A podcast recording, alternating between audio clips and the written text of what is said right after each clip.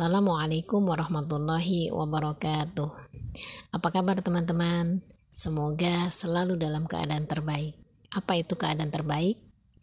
Maka tidak ada keadaan yang terbaik kecuali keadaan itu adalah dalam ketaatan, insya Allah. Kali ini saya ingin membahas tentang sebuah uh, apa ya fenomena yang mungkin 10 atau 15 tahun yang lalu belum terlalu terdengar gaungnya ya. Apa itu khilafah? Siapa yang sudah pernah mendengar, yang sering mendengar atau mungkin bahkan baru pertama kali mendengar? Kapan sih pertama kali eh, teman-teman mendengar kata khilafah? Saya sendiri sebenarnya merasa sedih gitu ya sebagai seorang muslim mendengar dan kemudian paham atau uh, apa itu khilafah itu belum lama ya astagfirullah. Ke mana aja selama ini gitu ya. Kalau kita perhatikan ya semakin hari pembahasan tentang satu kata ini kata khilafah itu memang semakin uh, panas ya. Bukan panas ya seru penuh warna-warni lah gitu ya. Antara yang pro dengan yang kontra kemudian bahkan yang membencinya yang menentangnya itu semuanya saling apa namanya melengkapi gitu ya. Melengkapi opini khilafah itu semakin menggema gaungnya uh, bisa dikatakan ibarat pepatah semakin tinggi pohon maka semakin kencang pula angin yang menerjang ya. Jadi semakin luas opini tentang khilafah itu kembali dikenal umat semakin kencang pula uh, yang datang dari arah berlawanan.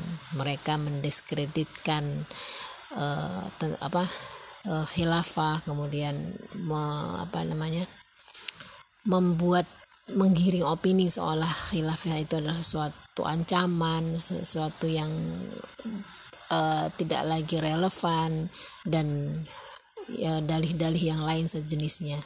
Padahal tidak ada yang bisa menolak ya, tidak ada yang bisa me, tidak bisa dipungkiri khilafah adalah bagian dari ajaran Islam.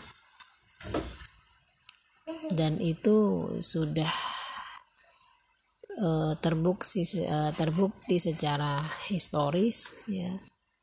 Bagaimana Khulafaur Rasyidin itu menjalankan sistem pemerintahan khilafah bukan yang lain. Dan satu hal yang pasti Rasulullah pun telah mengabarkan bahwa kelak akan tegak kembali khilafah yang kedua. Maka seharusnya uh, siapa pun yang kemudian menyuarakan opini khilafah uh, tidak layak untuk kemudian mendapatkan pertentangan, penolakan dan sejenisnya. Karena ini adalah sesuatu yang nanti itu akan terwujud gitu ya. Sebuah peradaban baru yang akan terwujud. Namanya sebuah peradaban proses untuk menjadi benar-benar terwujud itu kan tidak cukup hanya dengan hitungan uh, tahun ya. Bisa puluhan tahun bisa ratusan tahun mungkin Allah alam bisawab otomatis selama rentang waktu itu pun ada yang kemudian mengenalkan khilafah.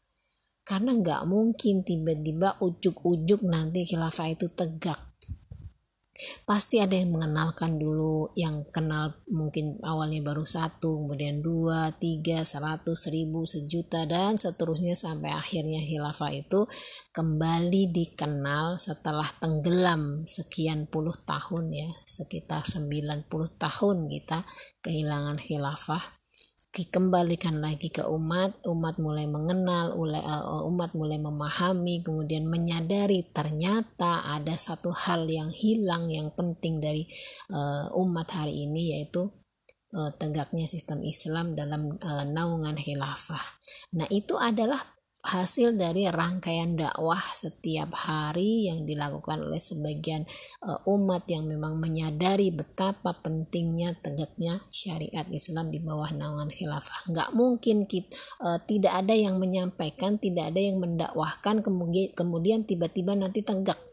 Karena meskipun itu sudah janji Allah, tetapi di dalam Islam pun uh, di apa namanya ada sebab akibat ada ranah uh, wilayah ikhtiar manusia kemudian nanti keputusan kapan tegak dan di mana tegak itu baru urusan Allah.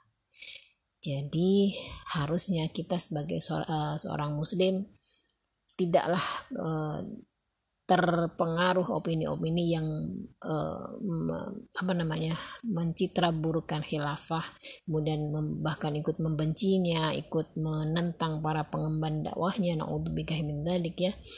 Uh, harusnya kita bangga punya sistem pemerintahan yang begitu sempurna dan bangga untuk bisa menjadi bagian dari pengemban dakwahnya bagian dari orang yang ikut menyampaikan kalau khilafah adalah ajaran Islam dan nanti akan tegak. Tegaknya itu bukan tanpa sebab, tapi karena ada kemudian yang mendakwahkan. Kapan tegaknya dan di mana tegaknya, maka itu adalah urusan dan hak prerogatif Allah. Karena kalaupun bukan kita yang mendakwahkan, akan ada yang lain yang mengambil peran itu, dan Allah tidak akan pernah kehabisan pejuang. Jadi pilihannya adalah tinggal kita mau jadi apa. Kita mau berada di posisi yang mana? Apakah di posisi yang memperjuangkan ataukah hanya sekedar menonton kemudian nanti tinggal apa namanya e, menunggu tanpa berbuat apa-apa atau bahkan menjadi bagian dari yang ikut nyinyir, yang ikut menentang, yang ikut mencemooh, mengolok-olok, naudzubillah min dalik ya. Semoga pilihan terbaik itu ada di tangan kita. Kita menjadi bagian dari mereka yang mengambil peran itu, dan Allah teguhkan pendirian kita di jalan ini. Ya, wallahualam bisawab. Wassalamualaikum warahmatullahi wabarakatuh.